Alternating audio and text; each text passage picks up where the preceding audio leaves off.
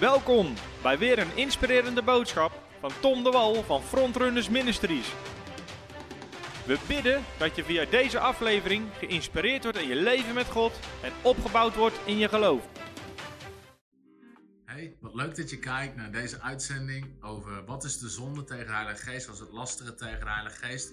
Het is een behoorlijk ehm, heftig thema, misschien ook wel een ingewikkeld thema waar je nog niet veel onderwijs over hebt gehoord. Daarom heb ik besloten om al mijn aantekeningen met alle voorbeelden, Bijbelse onderbouwing, te verwerken tot een e-boekje.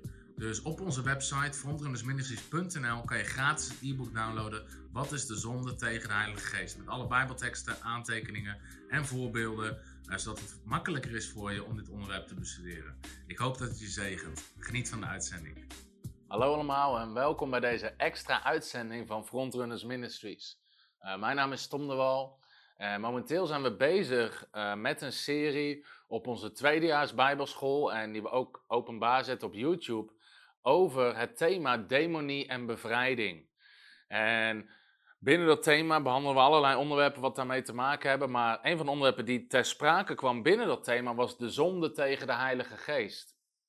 En we hadden niet de tijd om, uh, om in die serie dat, die vraag te beantwoorden: wat is de zonde tegen de Heilige Geest? Dus ik heb besloten om er een extra uh, aflevering voor op ons YouTube-kanaal van te maken om die vraag te beantwoorden. En ik denk dat dat een heel belangrijke vraag is. Wat is de zonde of wat is het lastige tegen de Heilige Geest? Ik vind dat belangrijk omdat, uh, nou, het is uh, Jezus zelf in de Bijbel zegt dat het de zonde is die niet vergeven kan worden.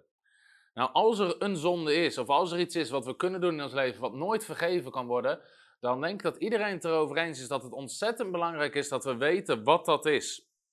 Daarnaast, uh, op verschillende plekken waar ik spreek, ben ik wel eens mensen tegengekomen, regelmatig, die naar me toe komen en zeggen: Ik ben bang dat ik gezondigd heb tegen de Heilige Geest en dat ik niet meer vergeven kan worden. En ik heb dat wel vaker gehoord van mensen, dat ze, uh, dat ze mensen gesproken hebben die daar bang voor zijn. En die denken dat ze nu niet meer gered zijn en hun redding kwijt zijn niet meer vergeven kunnen worden. Er zijn best wel belangrijke dingen waarom ik denk dat iedere christen hoort te weten wat het is en hoe het werkt, zodat we ook weten uh, wat we tegen die mensen kunnen antwoorden. En natuurlijk ook ons eigen hart kunnen bewaken, dat we nooit die kant op bewegen. En um, laten we maar eens beginnen met, met de Bijbel in te gaan om te kijken wat is de zonde tegen de Heilige Geest voordat we echt daarna gaan kijken, laten we vooropstellen dat op het moment dat je wedergeboren wordt, op het moment dat je gered wordt, je geeft je leven aan Jezus, worden al jouw zonden vergeven.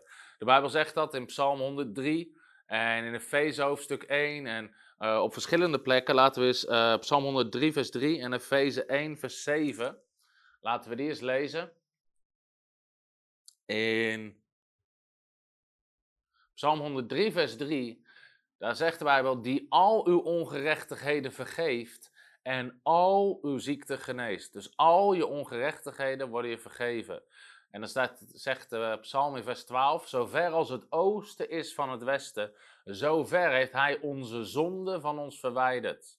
En in Efeze 1 vers 7 staat, in hem, dus in Christus, hebben wij de verlossing door zijn bloed namelijk de vergeving van de overtredingen, overeenkomstig de rijkdom van zijn genade. Nou, zijn genade is ontzettend groot. Op het moment dat we uh, tot geloof komen, dat we wedergeboren worden. De Bijbel zegt, we zijn een nieuwe schepping. Alles is nieuw geworden. We zijn de gerechtigheid van God. Dus, weet je, we zijn dan helemaal vergeven, gereinigd en we staan helemaal blanco voor God. Nou, zelfs als we daarna fouten maken, als we daarna zondigen, wat bij iedereen in zijn leven ongetwijfeld zal gebeuren, kunnen we altijd opnieuw naar God toe gaan om vergeving te vragen en God zal ons altijd vergeven. De Bijbel zegt dat in 1 Johannes 1, vers 9. Daar staat dat als wij onze zonde beleiden, dat God getrouw en rechtvaardig is om ons te vergeven. Beleiden wij onze zonde, dan zal Hij, die trouw en rechtvaardig is, ons onze zonde vergeven. En let op goed, en let goed op, en ons reinigen van alle kwaad. Ons reinigen van alle kwaad. Nou, dat is gewoon al een heel, heel goed fundament om mee te beginnen. Je wordt van al je zonden vergeven. En zelfs als je na je wedergeboorte, na je bekering, fouten maakt of zondig, wil God je altijd vergeven. Toch waarschuwt de Bijbel ons voor een bepaalde zonde, de zonde tegen de Heilige Geest. Waarvan de Bijbel zegt dat het een zonde is die tot de dood leidt. En dat mensen die dat doen, dat je daar zelfs niet voor hoeft te bidden. En dat, het lijkt bizar, maar het staat in 1 Johannes 5, vers 16. En misschien is dat een tekst die je nog nooit zo hebt gelezen. Ehm, maar ehm, het staat letterlijk daar dat mensen die zonde doen, dat, ze niet, eh, dat je niet voor die mensen hoeft te bidden. 1 Johannes 5, vers 16. Als iemand zijn broeder ziet zondigen, een zonde niet tot de dood. Zie je, dus er is een zonde tot de dood en is een zonde niet tot de dood. Dan moet hij tot God bidden. En, al, en, hij zal, uh, en hij zal met hem het leven geven. Namelijk aan hen die niet zondigen tot de dood. Er is een zonde tot de dood. Daarvoor zeg ik niet dat hij moet bidden. Er is een zonde tot de dood. Daarvoor zeg ik niet dat hij moet bidden. Nou, wat een bijzondere tekst is dit.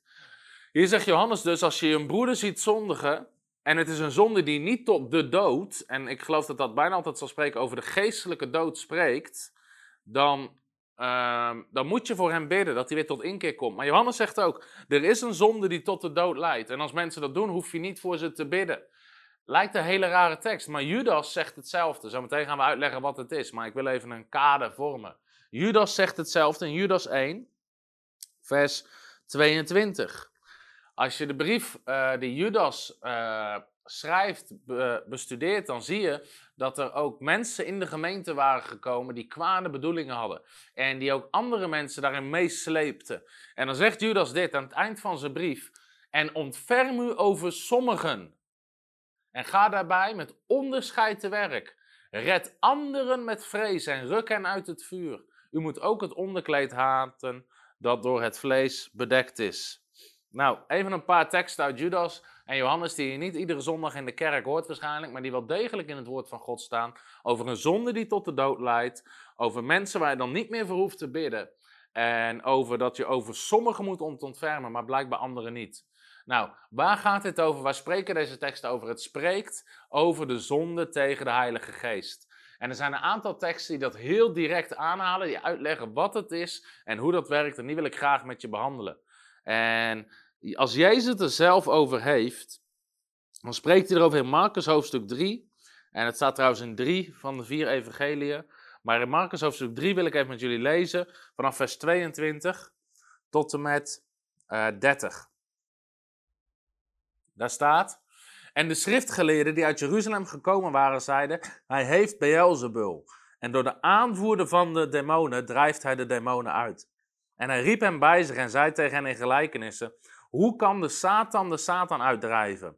En als een koninkrijk tegen zichzelf verdeeld is, kan dat koninkrijk niet stand houden. En als een huis tegen zichzelf verdeeld is, kan dat huis niet stand houden. En als de Satan tegen zichzelf opstaat en verdeeld is, kan hij niet stand houden. Maar dat is zijn einde. Niemand kan het huis van de sterke binnengaan en zijn huisraad roven, als hij niet eerst de sterke bindt. En dan kan hij zijn huis leegroven. Voorwaar, ik zeg u, dat alle zonden de mensenkinderen vergeven zullen worden. En de lasteringen die ze ook maar uit hebben gesproken. Maar wie gelasterd zal hebben tegen de Heilige Geest, die heeft geen vergeving in eeuwigheid, maar is schuldig en verdient het eeuwige oordeel. Vers 30. Want zij zeiden, hij, Jezus, heeft een onreine geest. Hij heeft een onreine geest. Nou, dit is het stuk waar Jezus spreekt over het zondige tegen de Heilige Geest. Ik wil nog twee teksten met je lezen die hierover gaan en dan gaan we er diep op in om te kijken wat is het. Deze twee teksten komen uit Hebreeën. Want in het boek Hebreeën lezen we ook een aantal waarschuwingen waarvan ook, uh, die ook gaan over het zondige tegen de Heilige Geest. Maar die ook voorwaarden geven waar iemand aan moet voldoen voordat hij kan zondigen tegen de Heilige Geest. En de eerste tekst staat in Hebreeën hoofdstuk 6 en de andere staat in Hebreeën hoofdstuk 10. Laten we beginnen met Hebreeën hoofdstuk 6 vers 4 tot en met 6. Daar staat, want het is onmogelijk. Ik heb even geel geasseerd, de dingen die op moeten vallen. Het is onmogelijk om hen die eens verlicht zijn geweest, die de hemelse gaven geproefd hebben, deelgenoot geworden zijn van de Heilige Geest, die het goede woord van God geproefd hebben en de krachten van de komende wereld, en die daarna afvallig worden, weer opnieuw tot bekering te brengen. Omdat zij voor zichzelf de Zoon van God kruisigen en openlijk te schande maken. We gaan hem zo meteen uitleggen. We gaan nog één tekst lezen. Hebreeën 10, vers 26 tot en met 30. Want als wij willens en weten zondigen, nadat wij de kennis van de waarheid ontvangen hebben, blijft er geen slachtoffer voor de zonde meer over, maar slechts een verschrikkelijke verwachting van oordeel en verzengend vuur, dat de tegenstanders zal verslinden. Als iemand de wet van Mozes teniet gedaan heeft, moet hij sterven zonder barmhartigheid, op het woord van twee of drie getuigen. Hoeveel te zwaarder, denkt u, zal hij waard geacht worden die de Zoon van God vertrapt heeft en het bloed van het verbond, waardoor hij geheiligd was, gaat over gelovigen, onrein geacht heeft en de geest van de genade gesmaad heeft. Wij kennen immers hem die gezegd heeft, mij komt de wraak toe, ik zal het vergelden, spreekt de Heere. En de Heere zal zijn volk oordelen. Oké, nou, dit zijn behoorlijk heftige teksten uit de Hebreeënbrief met behoorlijk heftige waarschuwingen. Waar staat dat de mensen zijn die de uh, die geest van genade, dat ze die lasteren en dat het onmogelijk is dat zij opnieuw tot bekering gaan komen, dat ze tot bekering gaan komen en zelfs dat ze hun redding zijn verloren. Nou, dit spreekt over het zondigen van de Heilige Geest, tegen de Heilige Geest, maar het geeft ook een aantal hele duidelijke voorwaarden uh, voordat iemand eraan kan voldoen. Nou, wat is het zondige tegen de Heilige Geest? En ik heb daar, uh, uh, als je die verhalen bestudeert in de Bijbel, waar er sprake is van de zonde tegen de Heilige Geest, dan zie je eigenlijk dat het om drie verschillende dingen kan gaan die daaronder gerekend worden. En ik heb, ze, ik heb van alle drie even een definitie. En die ga ik zo meteen met Bijbelse voorbeelden laten zien. De eerste definitie is: er is sprake van zondigen tegen de Heilige Geest als een geestelijk volwassen christen heel bewust Jezus Christus verlogend en van zijn geloof afstapt. Nog een keer. Er is sprake van zondigen tegen de Heilige Geest als een geestelijk volwassen christen heel bewust Jezus Christus verlogend en van zijn geloof afstapt. Definitie 2. Er is sprake van zondigen tegen de Heilige Geest als een geestelijk volwassen christen heel bewust Jezus Christus verlogend, door willens en wetens te blijven volharden in de zonde. Na, eh, omdat hij, hij of zij denkt dat dit niet uitmaakt. En let op, het gaat hier niet over uh, zondigen en daarna berouw hebben, spijt hebben van wat je gedaan hebt. Uh, het gaat echt om mensen die zich daar niet van willen bekeren, die geen berouw hebben en die denken dat maakt niet uit. Daar ga ik zo meteen meer over uitleggen. En het derde is, er is sprake van zondigen tegen de Heilige Geest als een geestelijk volwassen christen heel bewust het werk van de Heilige Geest aan de duivel toeschrijft. Nou, dat zijn drie definities van zondigen tegen de Heilige Geest, waar we ook alle drie Bijbelse praktijkvoorbeelden bij hebben, die we straks zullen gaan bekijken. Nou, voor wie geldt dit nu? Want uh, waarom zet ik daarbij in die definitie? Het gaat om geestelijk volwassen christenen. Nou, dat heeft te maken met die tekst uit Hebreeën 6. En laten we die nog een keer lezen. En dan gaan we die eens even in stukjes uiteenhakken om te zien dat daar een aantal voorwaarden in staan om aan te tonen dat dit niet gaat over uh, de, iemand die net tot geloof is gekomen. Hebreeën 6, want het is onmogelijk om hen, en dan komen er een aantal voorwaarden, die eens verlicht zijn geweest, dat is de eerste. Die de hemelse gaven geproefd hebben, dat is de tweede. Deelgenoot zijn geworden van de Heilige Geest, dat is de derde. Die het goede woord van God geproefd hebben, dat is de vierde. En de krachten van de komende wereld, en dat is de vijfde. En over die mensen, als die daarna afvallig worden, weer opnieuw tot bekering te brengen. Dat is onmogelijk omdat zij voor zichzelf de Zoon van God opnieuw kruisigen en openlijk te schande zijn geweest. Nou, dit zijn dus die vijf voorwaarden waar iemand aan moet voldoen, om het zo maar eens te zeggen, voordat iemand de Heilige Geest kan lasteren. Nou, wat zijn deze vijf voorwaarden? Laten we er snel doorheen lopen. Ten eerste wat hij opnoemt, het is onmogelijk voor hen die eens verlicht zijn geweest. Dus mensen moeten verlicht zijn geweest. Dat lijkt misschien een beetje een aparte term als je niet bekend bent met bijbelse termen. Maar Jezus zei, ik ben het licht van de wereld. Wie in mij gelooft zal nooit meer in duisternis wandelen. En licht in de Bijbel staat ook voor openbaring. Paulus beschrijft bijvoorbeeld in Korinthe dat het licht van het evangelie in onze harten heeft geschenen en dat wij daardoor tot geloof zijn gekomen. Dus het gaat over mensen die het licht van het evangelie hebben gezien, die de openbaring hebben van het evangelie van Jezus Christus en die Jezus hebben aangenomen. En 1 Johannes noemt dat ook wel in het licht wandelen. Die spreekt dan over broeders en zusters die, dat ze in het licht moeten wandelen. Dus het gaat over gelovige mensen. Ze zijn tot geloof gekomen. Dus mensen die nog niet tot geloof zijn gekomen, die kunnen niet lasteren of zondigen tegen de Heilige Geest. Nummer 2. Ze hebben de hemelse gaven geproefd, zegt Hebreeën 6, vers 4 dan. Nadat ze verlicht zijn geweest, ze hebben de hemelse gaven geproefd. Nou, wat is die hemelse gave? Ook dat spreekt over Jezus. Jezus was de gave van God uit de hemel. Johannes 3, vers 16 zegt: Al zo lief had God de wereld dat hij gaf zijn enige geboren zoon. God heeft zijn zoon aan ons gegeven. Jezus was de hemelse gave van de Vader aan de mensheid om gered te worden. En ze hebben van hem geproefd.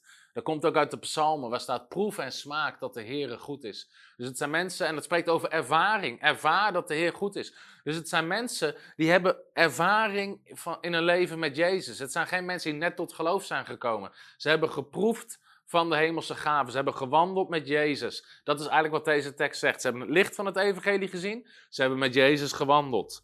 Dan staat er in Hebreeën 6 vers 4 de volgende. Ze zijn deelgenoot geworden van de Heilige Geest. Dus deze mensen die tot geloof waren gekomen, ze wandelden met Jezus en ze hadden de Heilige Geest ontvangen in hun leven. Ook dat zie je constant in het boek Handelingen. Hebben we ook nog ander onderwijs over. Maar het waren mensen die gedoopt waren met de Heilige Geest of vervuld waren met de Heilige Geest. Dus ze hadden de vrucht van de Geest in hun leven, de leiding van de Geest in hun leven. Ze konden door de Geest van God Gods stem verstaan. De Geest hielp hen om niet meer te zondigen. Hè? Dat leert de Bijbel ons. Als we wandelen naar de Geest, zullen we het begeerte van het vlees niet volbrengen. Dus het waren mensen die een levende relatie hadden met de Heilige Geest die in hen woonde.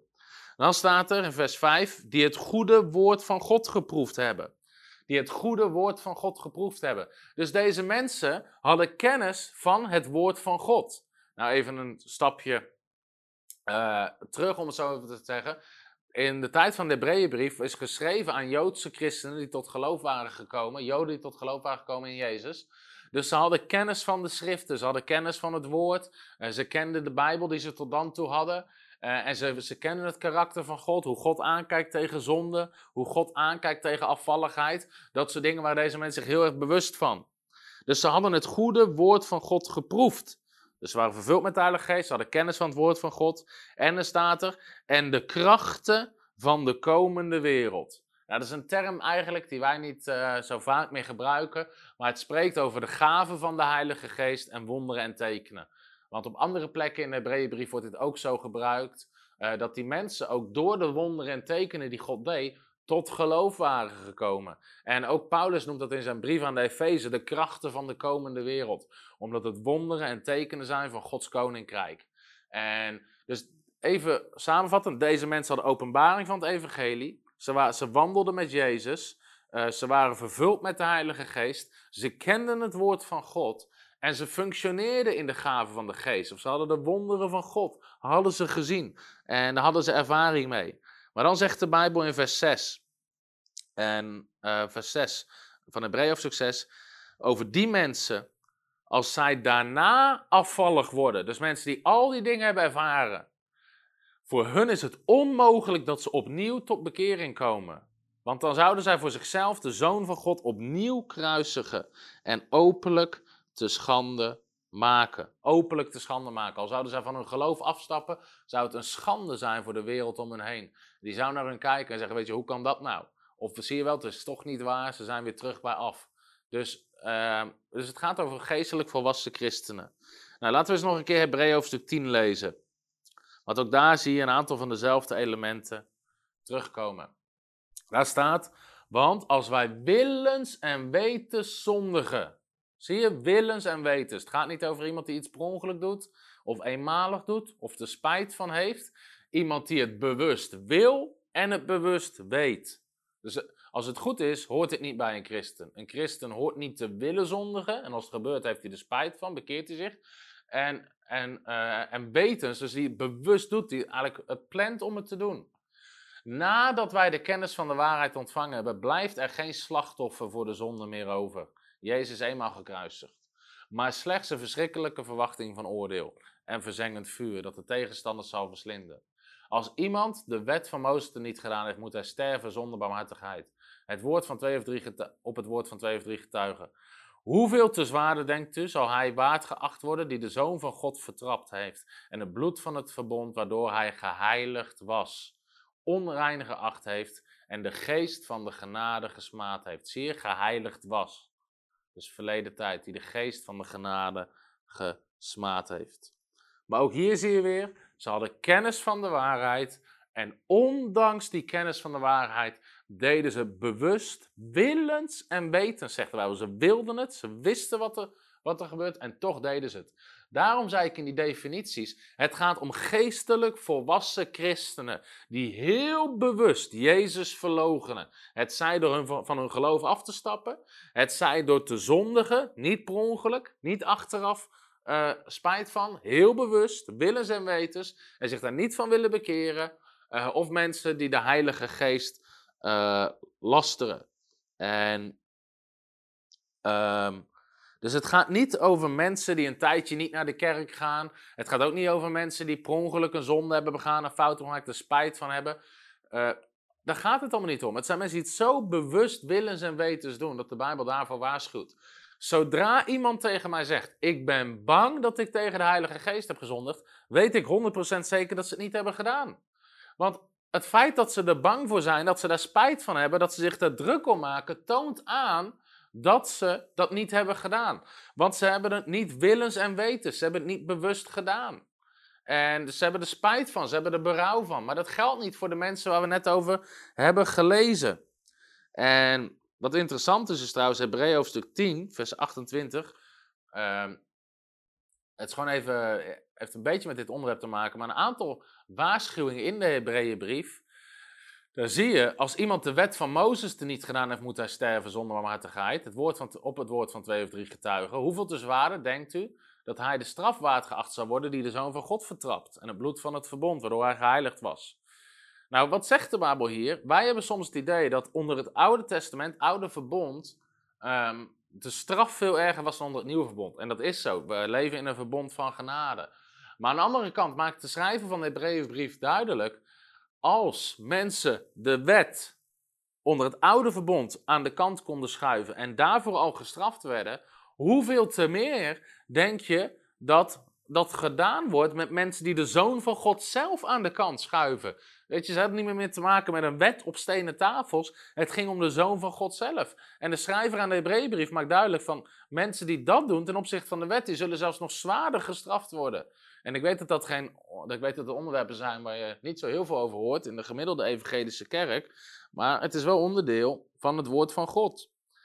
Oké, dus dit zijn een aantal definities, of ah, dit is eigenlijk een uitleg die de Hebreeënbrief erover geeft. Laat ik eens drie praktische Bijbelse voorbeelden geven.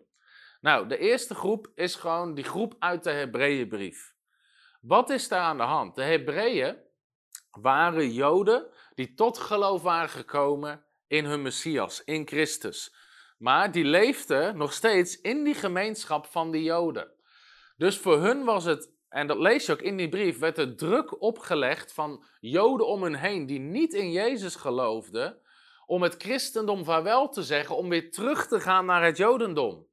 En deze mensen waren dus tot geloof gekomen, maar onder het jodendom, onder het oude verbond, zaten er allerlei dingen zoals dierenofferen, uh, tempelrituelen, de priester, de wet van Mozes, al die dingen die onder het nieuwe verbond vervangen zijn door Jezus. Jezus is geofferd in plaats van een dier. Jezus is de hoge priester.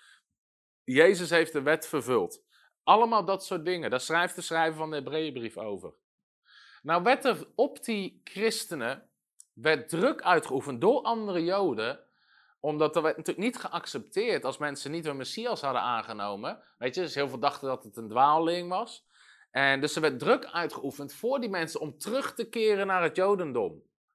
Maar dan zegt de schrijver van de Hebreeënbrief: de mensen die dat doen, kunnen daarna niet opnieuw tot bekering komen.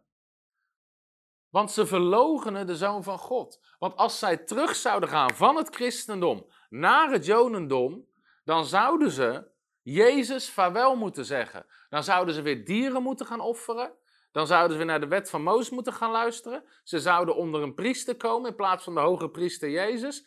Al die dingen van het nieuwe verbond moesten ze bewust aan de kant zetten om weer te gaan dienen onder een oud verbond, alsof Jezus nooit gekomen was. En de schrijver van de Hebreeënbrief zegt, de mensen die dat doen, die eigenlijk ze vertrappen het bloed van de Zoon van God. Ze zeggen, Jezus had voor mij niet hoeven komen, ik ga weer terug naar het oude systeem. En zij zegt, het is onmogelijk dat zij opnieuw tot bekering gaan komen, want Jezus wordt niet twee keer gekruisigd. Dus dat is een voorbeeld van mensen die heel bewust Jezus aan de kant zetten, hem verlogenen en eigenlijk van hun geloof in Jezus afvallen. En dat is dus een Bijbels voorbeeld waar de Hebreeënbrief over gaat en waar die ze, uh, waar die ze over schrijft. Het tweede voorbeeld mag maar even Marcus hoofdstuk 3. Want het tweede voorbeeld van mensen die de Heilige Geest uh, lasteren, het werk van de Heilige Geest aan de duivel toeschrijven, dat is het voorbeeld van de Fariseeërs de geestelijke leiders, de geestelijke autoriteiten van die tijd. En in Marcus hoofdstuk 3, daar lezen we dat ze uh, tegen Jezus zeiden. En de schriftgeleerden die uit Jeruzalem gekomen waren, zeiden: Hij heeft Beelzebul. En door de aanvoerder van de demonen drijft hij de demonen uit. Beelzebul is een titel voor de duivel. Dus eigenlijk zeggen ze: Door de aanvoerder van de demonen, de duivel, drijft hij demonen uit. Nou, wat was hier aan de hand? De Farizeeërs, ook zij hadden kennis van het woord van God. Weet je, ze kenden de profetie over de wonderen die de Messias zou doen. En uh, ze, waren daar bekend mee. Het hele ding was dat Jezus, de, de Messias, die kwam. Uh, alleen hij hoorde eigenlijk niet tot hun groepje. Sterker nog, hij maakte hun groepje heel erg niet populair. Want ze waren heel selectief, alleen voor een speciaal groepje heilige mensen die allerlei religieuze dingen deden. In plaats daarvan zat Jezus met de hoeren en de tollenaars. Hij trok op met de gewone mensen. Hij deed wonder onder het volk. En Jezus werd ontzettend populair onder het volk. En die religieuze leiders konden het niet uitstaan. Tegelijkertijd wisten ze dat de wonderen die Jezus deed onmogelijk waren om te doen. Tenzij hij de Messias was of de Zoon van God was of de kracht van de Heilige Geest had. Het was onmogelijk. Maar vanwege de angst uh, om dat toe te geven, want dan zouden ze moeten toegeven dat zij ernaast zitten. En je ziet dat heel vaak dat ze die discussie voeren op de achtergrond. Besluiten ze om het werk van de Heilige Geest toe te schrijven aan de duivel. En ze zeggen hij drijft demonen uit door de aanvoerder van de demonen. En in vers 30 van, Mar van Marcus hoofdstuk 3, dan zie je ook dat Jezus hiervoor waarschuwt. Uh, vanaf vers 28. Dan zegt Jezus: Alle zonden worden de mensenkinderen vergeven. Ook de lasteringen die ze uitgesproken hebben. Maar wie gelasterd zal hebben tegen de Heilige Geest, heeft geen vergeving in eeuwigheid. Maar is schuldig en verdient het eeuwige oordeel. Nou, een voorbeeld hiervan is dus die Fariseeërs, die het werk van de Heilige Geest toeschrijven aan de duivel, omdat het hun niet uitkomt of niet bij hun clubje hoort, terwijl ze eigenlijk beter wisten. Nou, dit gaat niet over christenen vandaag de dag die bij wijze van spreken een bepaalde manifestatie zien en die dan in het begin misschien denken van, oh, is dit niet van de duivel? Weet je, dat, dat soort dingen zie je best wel veel rondgaan. Mensen die onbekend zijn met vallen in de geest of lachen in de geest. En het ziet er in het begin raar uit, denken, is dit niet van de duivel? Daar gaat het niet over. Het gaat over mensen die bewust weten dat God aan het werk is, maar dit eigenlijk niet toe willen geven. Het zit niet in hun groepje, het zit niet in hun stroming. Dus daarom schrijven ze het toe aan de duivel.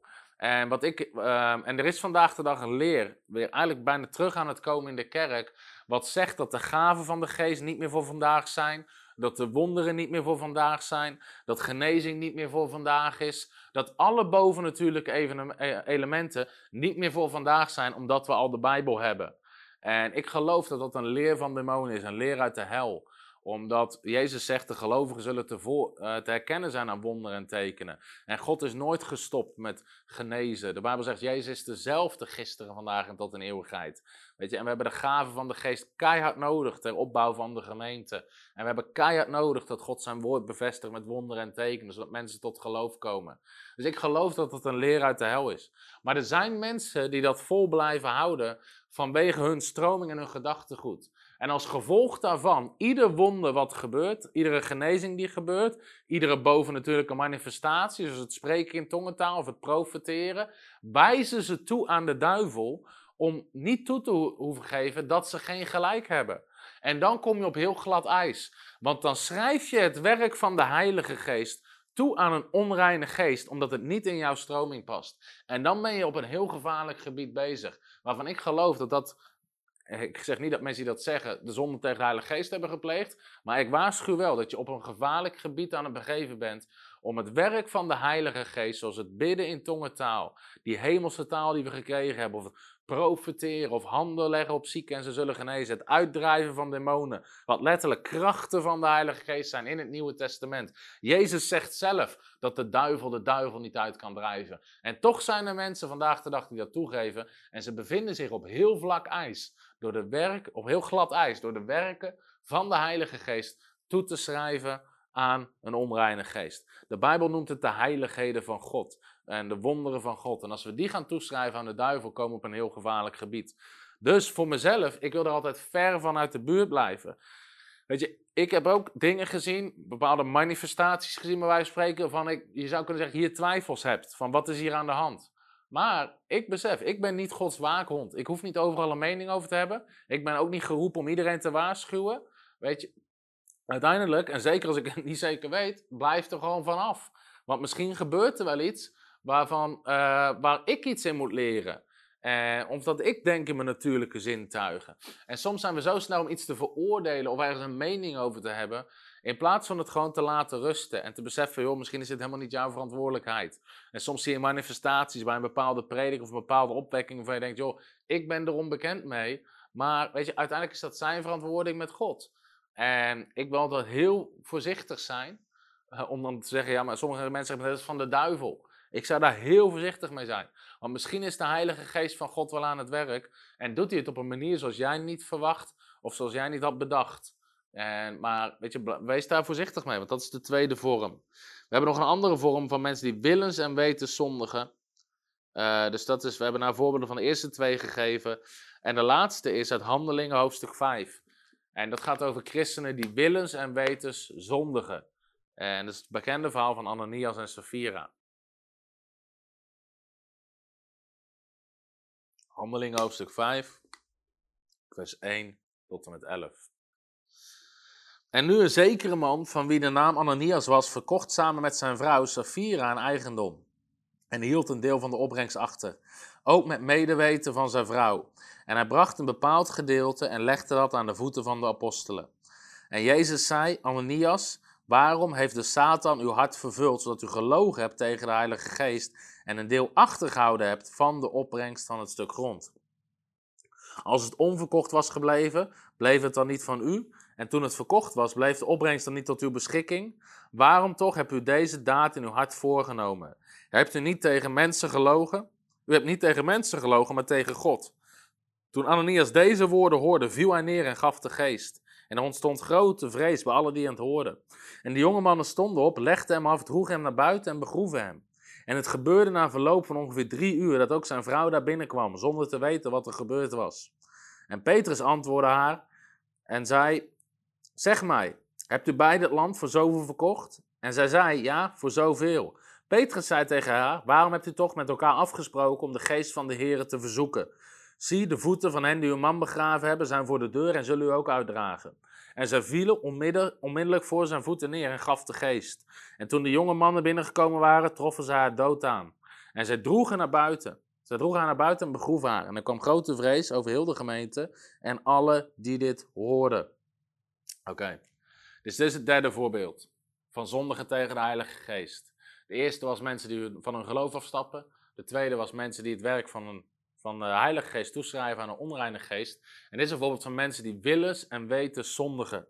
Nou, en hier in dit verhaal zie je meteen het resultaat. Dus in dit verhaal leidt de zonde letterlijk direct tot een fysieke dood. Hoewel het meestal is tot geestelijk dood, afscheiding van God.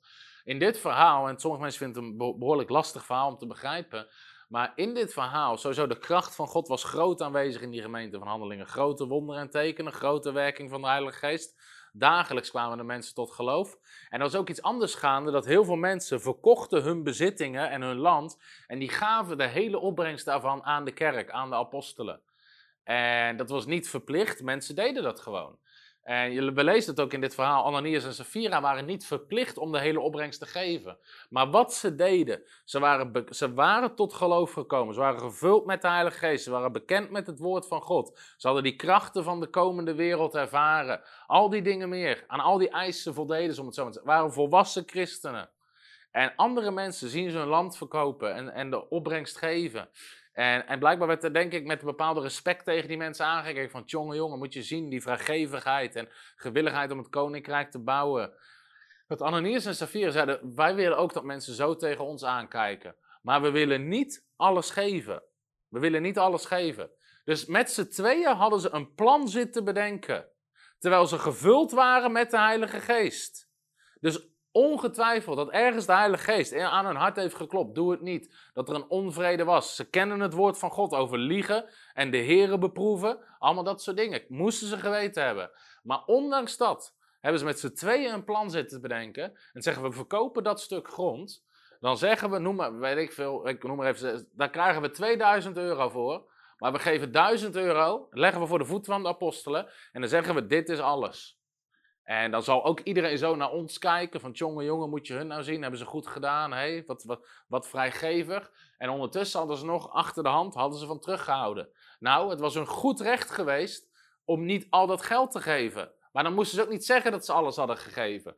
In plaats daarvan gaat Ananias gaat naar de apostelen toe. En in de tegenwoordigheid van God, in de aanwezigheid van God, in het huis van God, zegt hij: ik heb het land verkocht. Dit is, dit is de gehele opbrengst. Waarop Petrus door de Heilige Geest in zich krijgt dat hij staat te liegen. En hij vraagt nogmaals: Is dit de gehele opbrengst? En hij zegt ja. Bewust liegt hij tegen God. Hij liegt tegen de Heilige Geest. Hij liegt tegen de apostelen. En hij liegt tegen de gemeente van Jezus Christus.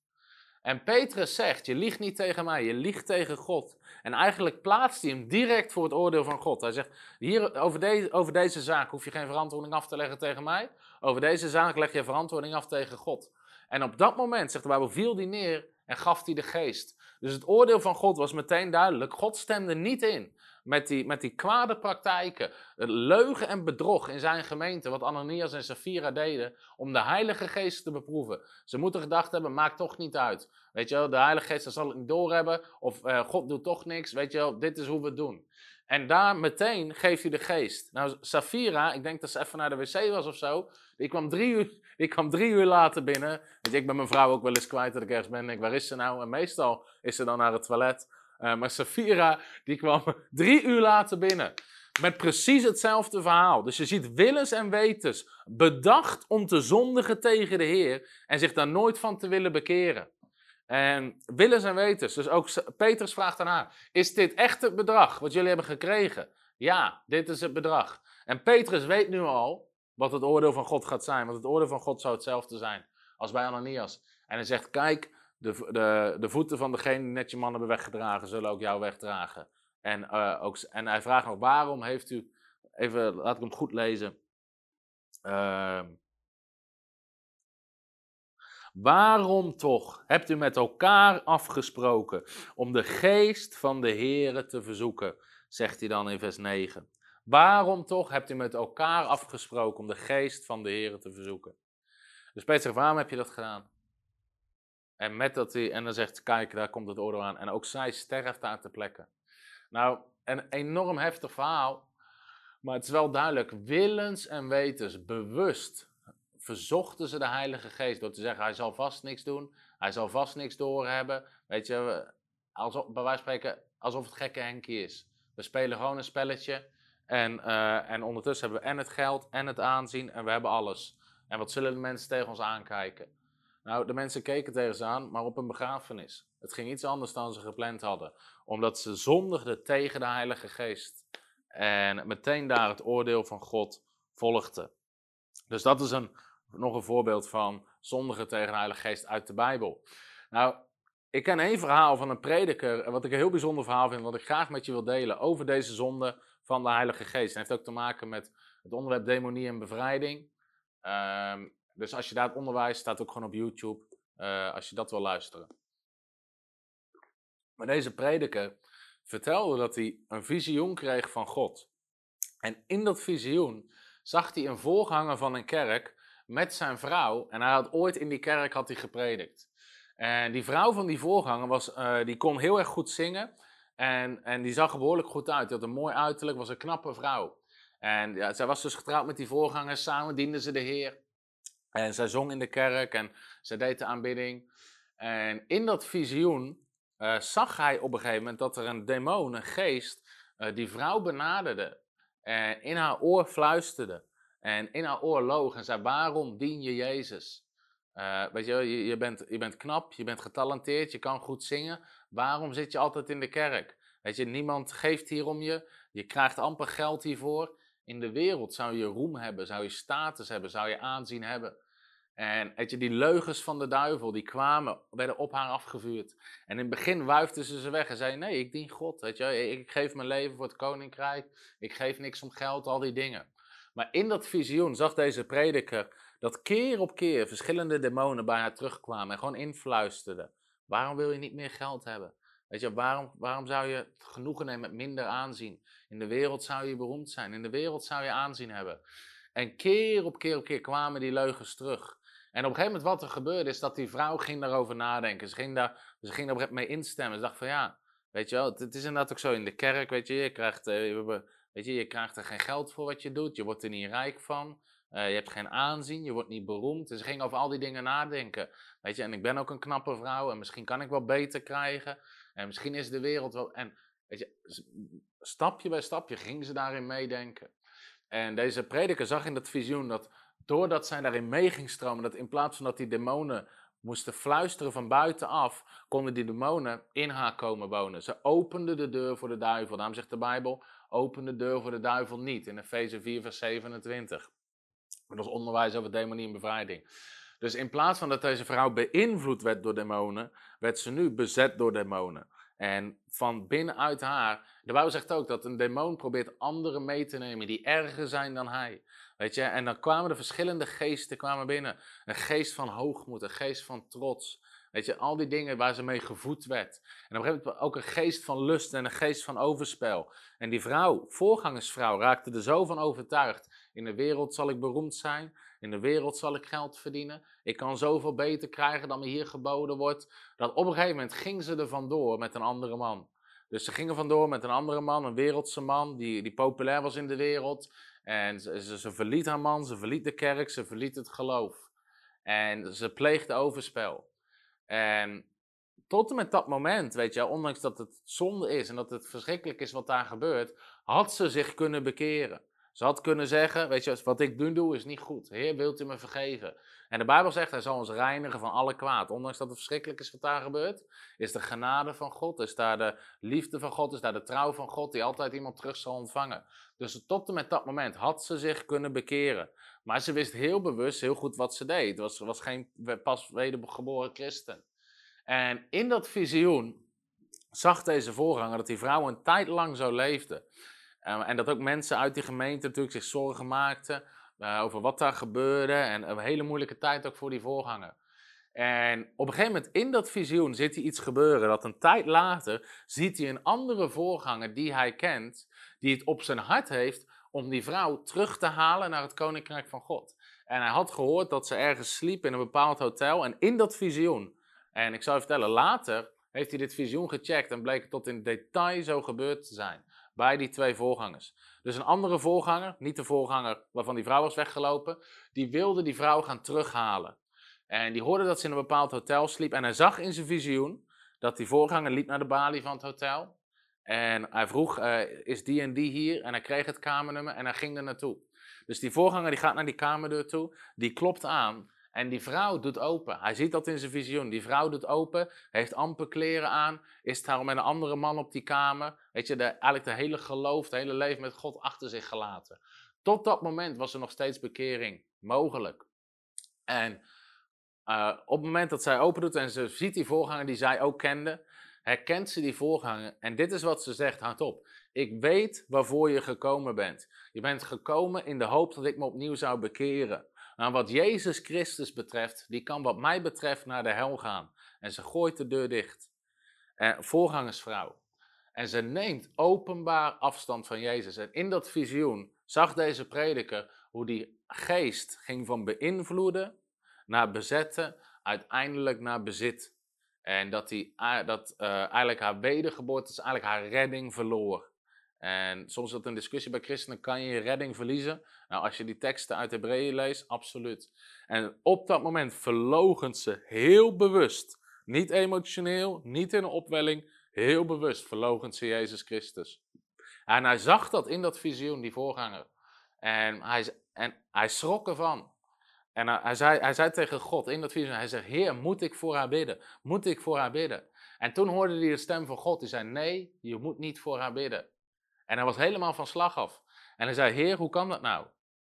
Weet je, het is toch altijd goed om voor mensen te bidden. En toen gaf God hem die tekst uit 1 Johannes 5. Laten we die nog eens lezen, want daar waren we mee begonnen. En dan wordt het cirkeltje weer rond. 1 Johannes 5, vers 16.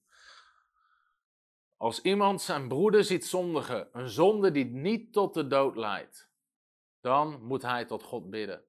En hij zal hem het leven geven. Namelijk aan hen die niet zondigen tot de dood. Er is een zonde tot de dood. Daarvoor zeg ik niet dat hij moet bidden. En God gaf hem deze tekst in dat visioen. Dat God zei, je hoeft niet te bidden. Weet je, deze vrouw is de bekering voorbij. Ze heeft de geest van God gelasterd. De geest van genade gesmaad. Jezus Christus verlogend. En ze is eigenlijk de redding kwijtgeraakt. Ze lasterde tegen de Heilige Geest. En dat was de zonde die haar niet meer vergeven kon worden. En God gaf hem die tekst. Er is een zonde waar je niet voor hoeft te bidden. En hij was helemaal, hij was helemaal gechoqueerd.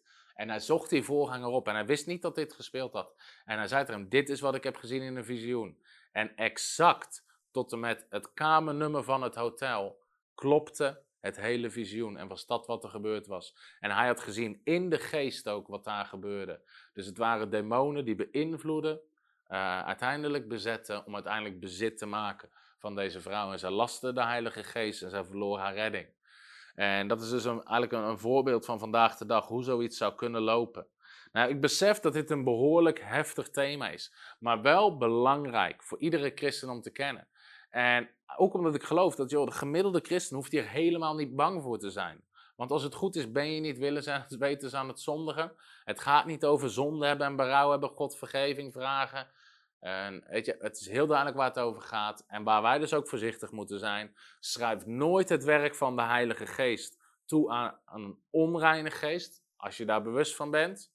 Dus nogmaals, als je in het verleden hebt gezegd van joh, weet je, is dit, ik weet niet of dit wel van God is. Daar gaat het niet om. Het gaat over heel bewust wat de fariseeërs deden om hun eigen reputatie en hachje te redden. Schreven ze dat toe. En die hebben daar ook nooit spijt van gehad, want ze bleven volharden. Dus ook daarin zag je, ze wilden zich niet bekeren. Dus het werk van, een, van de Heilige Geest toeschrijven aan een onreine geest, je geloof verlogenen en heel bewust, heel bewust afstand nemen van Jezus Christus en weer teruggaan alsof je nooit tot geloof bent gekomen. Daar gaat het over. Voor volwassen, geestelijk volwassen christenen. Uh, of volharden, net zoals Ananias Vira, heel bewust, willens en wetens, afspreken om de Heer te verzoeken en te zondigen op die manier tegen de Heilige Geest. Maar daarom zeg ik altijd, iedere christen die naar mij toe komt, die zegt ik ben bang dat ik tegen de Heilige Geest heb gezondigd, zeg ik altijd, nou ik heb goed nieuws voor je, dat is niet zo. Want als dat echt zo was, dan was je daar niet bang voor geweest. Dan had je dat heel bewust, heel willens en wetens gedaan. Dus ik hoop dat deze uh, extra stuk onderwijs je inzicht heeft gegeven over het zondigen tegen de Heilige Geest. Vergeet niet om het e-book te downloaden. Staat op onze website www.frontrunnersministries.nl met alle aantekeningen bijbelteksten, verhalen, voorbeelden. Omdat ik besef, misschien wil je dit nog eens nalezen. Uh, en, uh, of als iemand ooit een vraag heeft van, hey, heb ik dat gedaan? Kan je het naar ze doorsturen? Je stuurt de video door. En op die manier hopen we je te zegenen. Ben je enthousiast over het werk wat we doen? En uh, we doen ontzettend veel, sowieso. We hebben een worship album uitgebracht. Uh, we hebben een aantal boeken geschreven, onder andere over genezing, over tongentaal, over financieel partnerschap. Ik ben nog een nieuw boek aan het schrijven over gebed. Als je enthousiast bent over het werk van de bediening Frontrunners, de missie die we hebben gekregen, is om een generatie op te richten die volledig voor God gaat. En als je enthousiast bent en daar aan mee wil werken, dan wil ik je van harte uitnodigen om partner te worden van Frontrunners. En met jouw maandelijkse donatie kunnen we steeds meer mensen bereiken voor het Koninkrijk van God. En kijk gewoon wat je op je hart hebt. En uh, als je partner wordt, alle nieuwe producten, alle nieuwe boeken die ik schrijf, alle worship albums die we uitbrengen, krijg je gewoon gratis thuisgestuurd. Omdat we ook een zegen willen zijn voor jou. Dus als je nog geen partner bent, wil ik je van harte uitnodigen om partner te worden op www.frontrunnersministries.nl uh, slash partners. Uh, en dan hoop ik dat we op die manier ook samen kunnen werken in het Koninkrijk van God. Ik hoop dat je genoten hebt van dit onderwijs en God zegen. Hallo, Tom de Wol hier en bedankt dat je weer geluisterd hebt naar onze podcast. Ik bid dat het je geloof gebouwd heeft en je bemoedigd bent. Als je niet alleen een luisteraar van onze boodschap wil zijn, maar ook een verspreider daarvan, wil ik je uitnodigen om partner te worden van Frontrunners. Door jouw maandelijkse donatie help je ons om dit evangelie van Jezus Christus en het woord van God over heel de aarde te brengen. Om partner te worden, ga naar www.frontrunnersministries.nl slash partners en word partner. Hartelijk bedankt en tot snel. Heb je ook zo genoten van deze inspirerende boodschap van Tom de Wal? Abonneer je dan op deze podcast. Volg ons op Facebook en op Instagram en kijk op onze website frontrunnersministries.nl.